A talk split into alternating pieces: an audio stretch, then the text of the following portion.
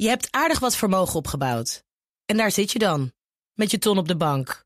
Wel een beetje saai, hè? Wil jij, als belegger, onderdeel zijn van het verleden of van de toekomst? Bridgefund is een slimme fintech die een brug slaat tussen de financiële behoeften van ondernemers en van beleggers. Dus wie belegt bij Bridgefund krijgt niet alleen een mooie vaste rente, maar brengt ook ondernemers in beweging. Echt waar, met die ton kan je zoveel betere dingen doen. Bridgefund. Make money smile.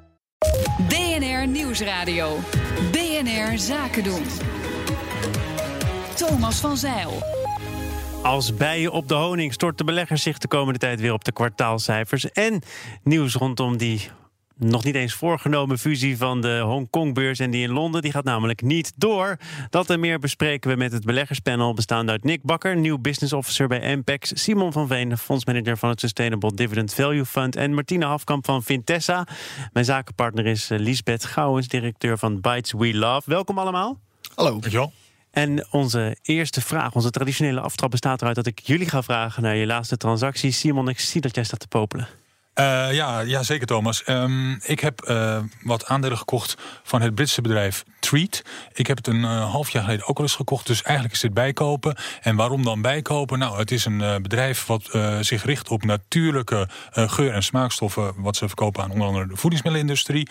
Ze hebben een gebroken boekjaar, eindigt eind september. Is eigenlijk net afgelopen. Jaarcijfers zijn officieel nog niet bekend. Maar al wel een trading update afgelopen vrijdag. Dus toch interessant om daar even naar te kijken. Um, wat zegt dit bedrijf? Omzet is gestegen en met name in producten in hun categorie health en wellness. Um, dus dan moet je denken aan ja, producten met uh, geen uh, suiker of suikervervangers en dergelijke. Daar meer, 20, meer dan 20% groei van de omzet. Uh, nou, dat is voor mij dusdanig interessant dat ik denk, daar koop ik wat van bij. Het is ook interessant, want wij zijn daar eigenlijk onze uitzending min of meer mee begonnen. Hè? Boodschappen moeten duurder worden ja. om de boer iets meer te laten verdienen. En jij zei toen ook, ja, suiker is nou helemaal heel goedkoop. Alternatieven zijn wat duurder. Nou, er zijn dus mensen die daarvan gaan profiteren dat dat toch min of meer de norm gaat worden. Ja, zeker. Het is heel interessant om te zien al die, dus, wat, wat er in uh, nieuwe voeding uh, gedaan wordt en wat er voor ontwikkeld wordt om gewoon wel smaak te krijgen of juist wel heel veel voedingsstoffen te krijgen uh, in een product wat verder nog best wel samengesteld is. Ja, ja nou, en ik verwacht dus dat dat proces gewoon de komende jaren doorgaat. Dit bedrijf ook. Zij hebben hun productiecapaciteit afgelopen zomer verdubbeld. Um, dus er is ook het komende jaar nog heel veel groei mogelijk. En uh, vandaar dat het interessant is voor mijn uh, portefeuille. Dan zit jij daar gewoon eerste rang bij. Martine, wat is jouw laatste transactie? Ja, in dat kader, ik zit in Givaudan, de grootste Zwitserse grootste smaakmaker. En een van de grote concurrenten. Ja, van, van Oh, ter jee. wereld. Nee, we, hou jullie nog net uit elkaar. Nou, dat lukt net inderdaad. Maar ik bedoel, ik geloof heel erg daar ook in, ook in die natuurlijke dingen. Maar eh, in dit kader heb ik, haak ik wel weer een beetje bij jou aan. Ik heb Kimberly Clark voor mijn klanten in portefeuille opgenomen. Die hebben vorig jaar, nou je kent ze van de clinics en hukkies, zeg maar, hier in het kort gezegd in Nederland. Maar ze doen veel meer. Uh, zitten in al die dispos consumer disposables, zeg maar.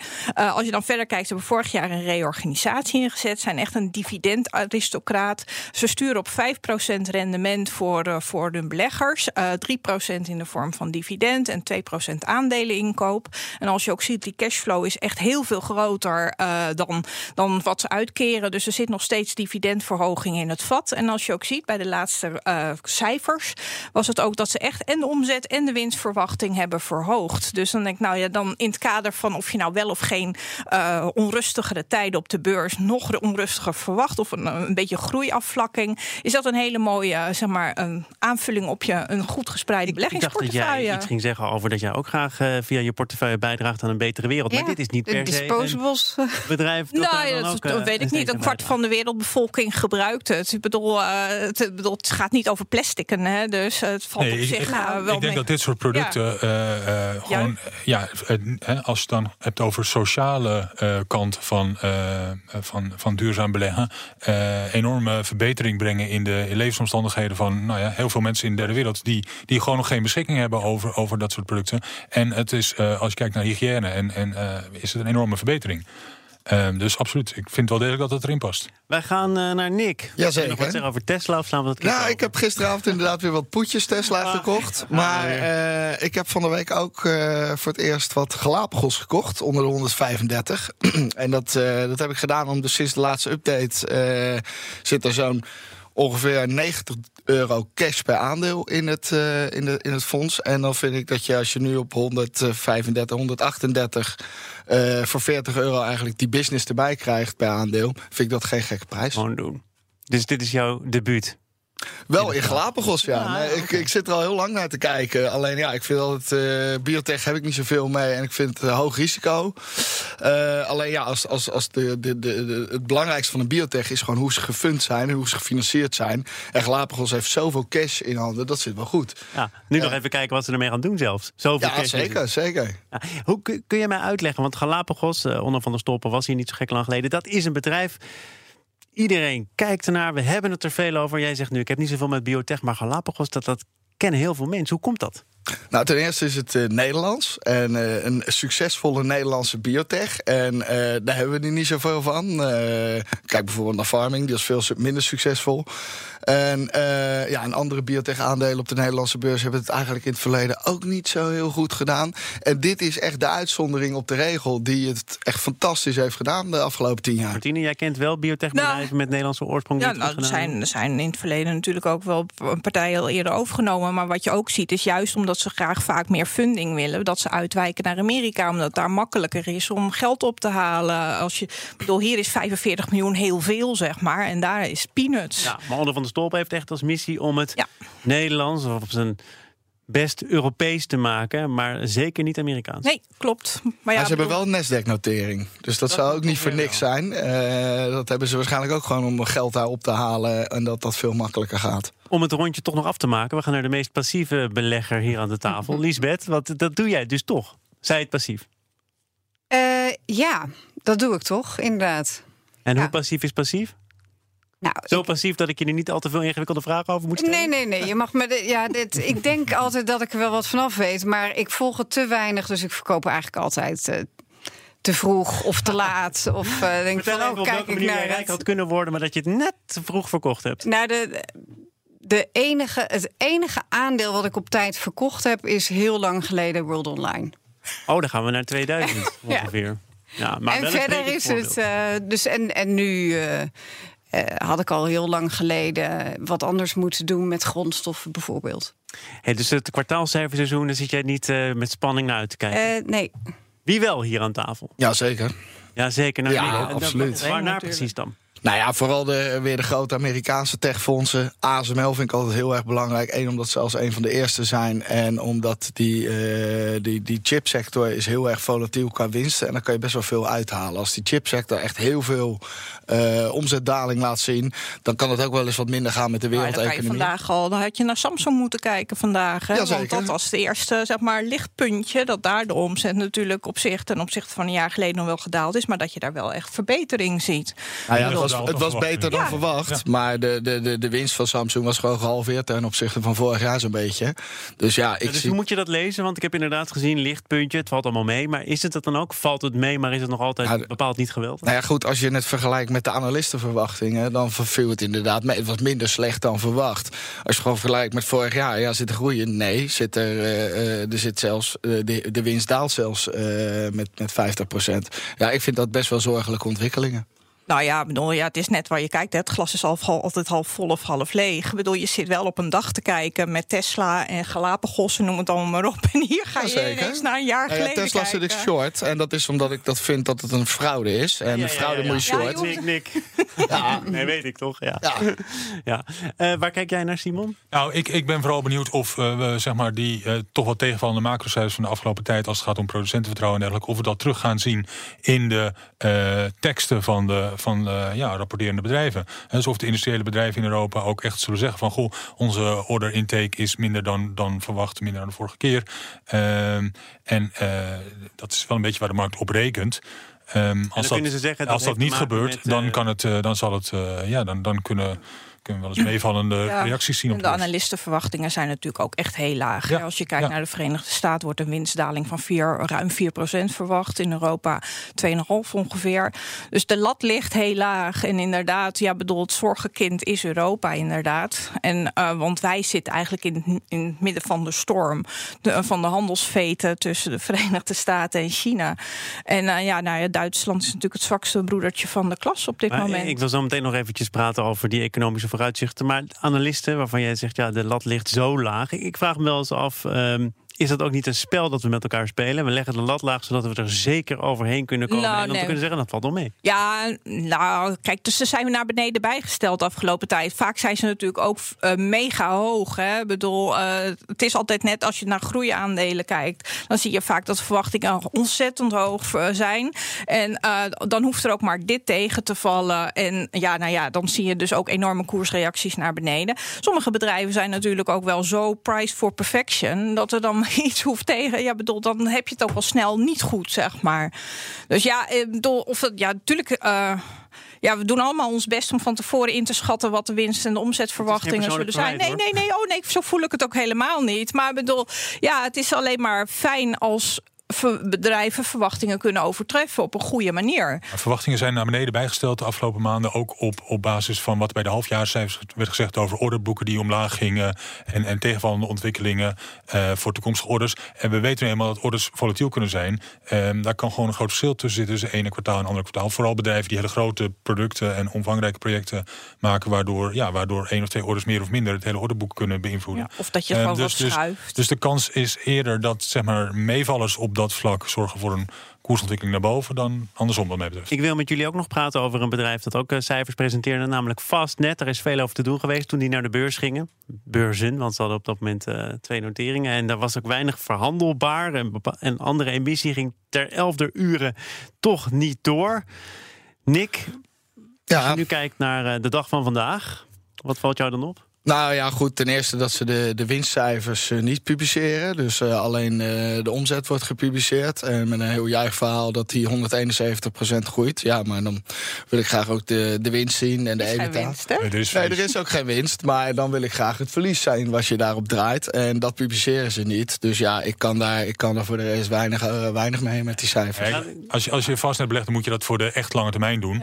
Ja. Eh, want het is een aandeel wat dit jaar eh, geen winst zal maken. Volgend jaar waarschijnlijk ook niet. Hopelijk eind volgend jaar dat ze operationeel eh, break-even zijn. Dat is de doelstelling van het bedrijf. Eh, en dan zou je in 2021 eh, voor het eerst winst zien. Dan moet je dus als belegger niet in zitten die, die, die eh, oh, oh, ja, van het ene kwartaal op het andere kwartaal. Want dan, dan, daar gaat het niet gebeuren. Ook dat kijk, niet. ja. Maar Je, je moet kijken naar de, de lange termijn ontwikkeling in de Nederlandse markt voor elektrische auto's. En dan zie je dat eind 2017 waren er ongeveer 20.000 elektrische, volledig elektrische auto's in Nederland. Eind vorig jaar 40.000. En dit jaar zullen we, zullen we dicht in de buurt van die 80.000 komen. Dus dat is twee jaar op rij verdubbeld. Eh, en als het aantal elektrische auto's groeit, dan, ja, dan gaat ook de omzet Ja, van ja, nou, wat het mee. positieve was ook wel dan. ik bedoel, Ik ben helemaal geen vastnetbelegger of zo.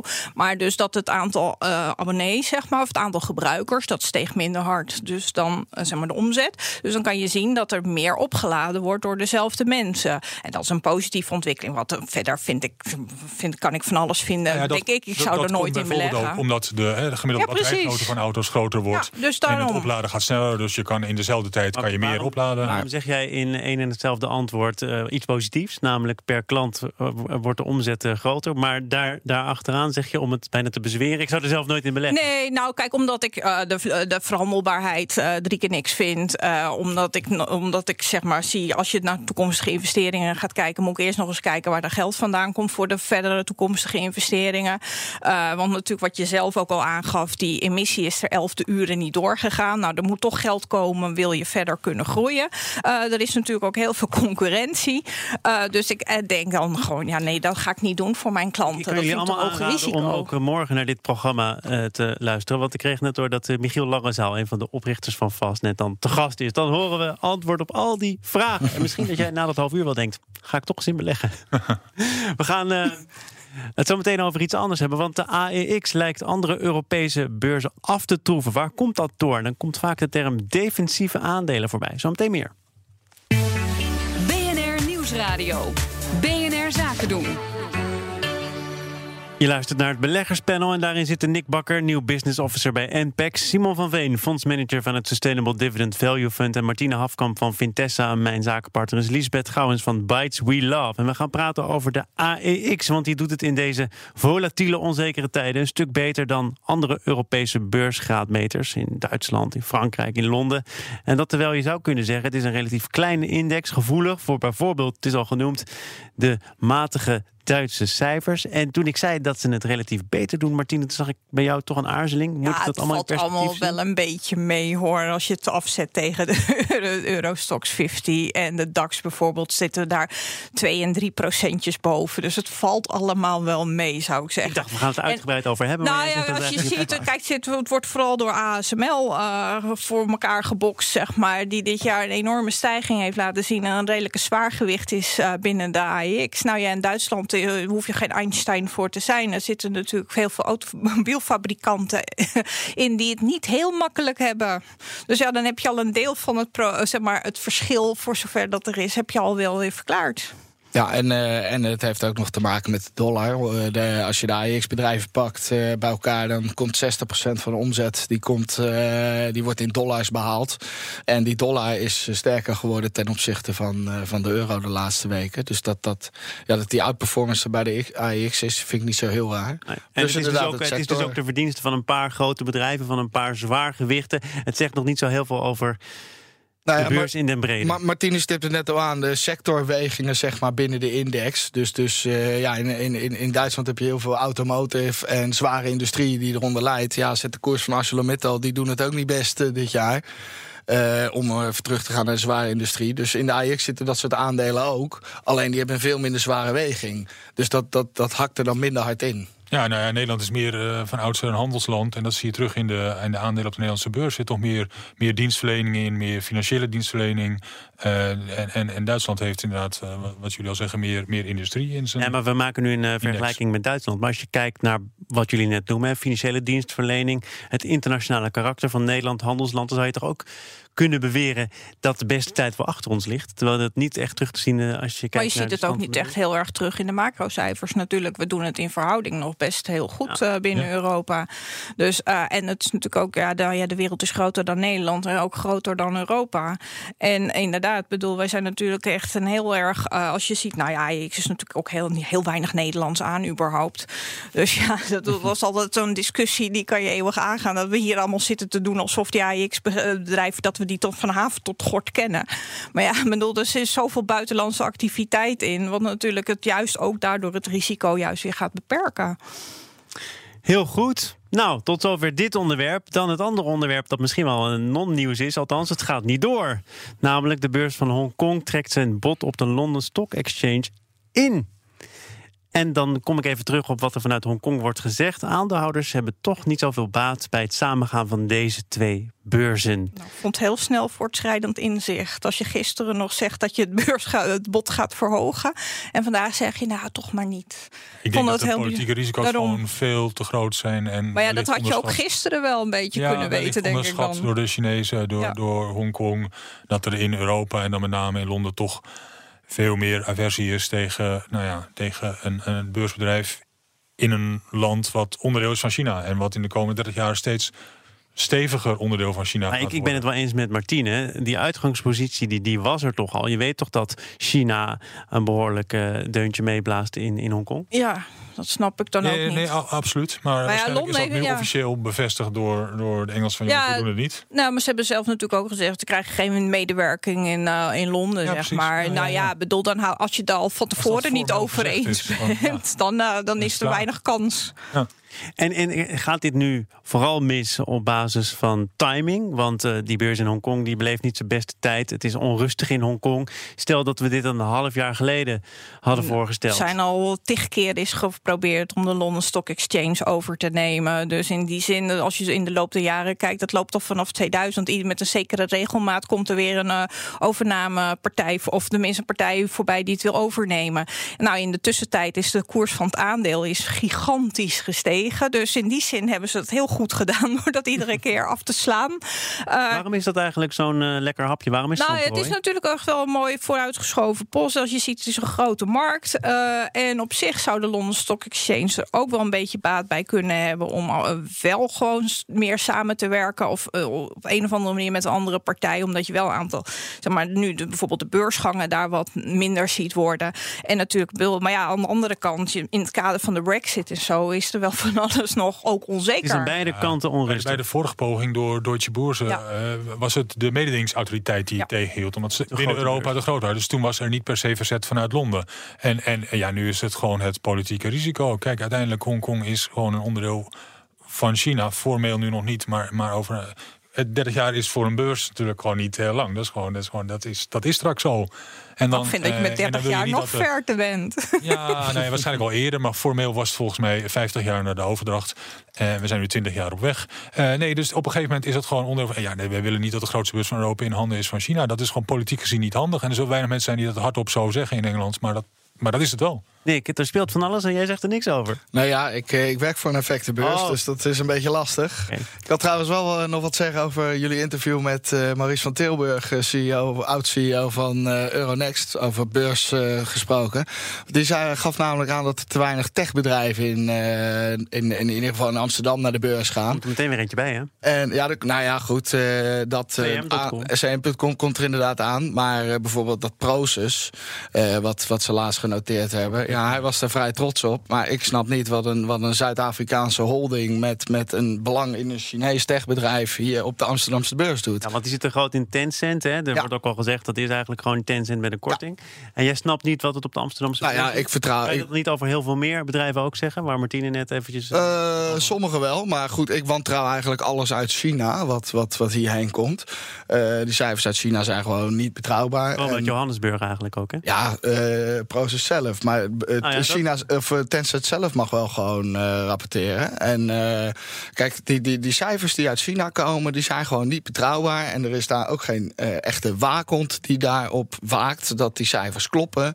En het is voor Chinese bedrijven niet strafbaar om in het buitenland eh, eh, valse of misleidende rapportages af te En, geven. en wat wil je hiermee vaststellen? Dat die, die, die techreuzen eigenlijk eh, met de argwaan bekeken moeten worden? Zeker ja, zeker. Ook Alibaba moet je, moet je met argwaan Ja, bekijken. dat is toch ook niet nieuw? Dat weet toch iedereen dat cijfers uit China misschien wel twee keer, drie keer, vier keer gecontroleerd moeten Nou ja, worden? vandaar dat er waarschijnlijk ook een discount op die, eh op Nou, de die discount was aardig weg na de, dat Schintelbug geïntroduceerd werd, de proces op de beurs. Dus niet iedereen is het met je eens. Lisbeth, ga jij na dit panel wat actiever beleggen? Of denk je wel, ik hou het toch een beetje passief bij? Nee hoor, ik ga gewoon zorgen dat mijn, eh, onze eigen bedrijf een groot succes wordt. Dat lijkt En me een dan op de beurs. Genoteerd of niet? Mm, Nee, ook niet. Nee? Oké, ik spreek je over een paar jaar. Wie weet hoe het dan eh, afloopt met Bites We Love. Fijn dat je er was. Dankjewel. En dat zeg ik ook tegen de panelleden Nick Bakker, Simon van Veen en Martine Hafkamp. Dit was het voor vandaag. Je hebt aardig wat vermogen opgebouwd. En daar zit je dan, met je ton op de bank. Wel een beetje saai, hè? Wil jij, als belegger, onderdeel zijn van het verleden of van de toekomst?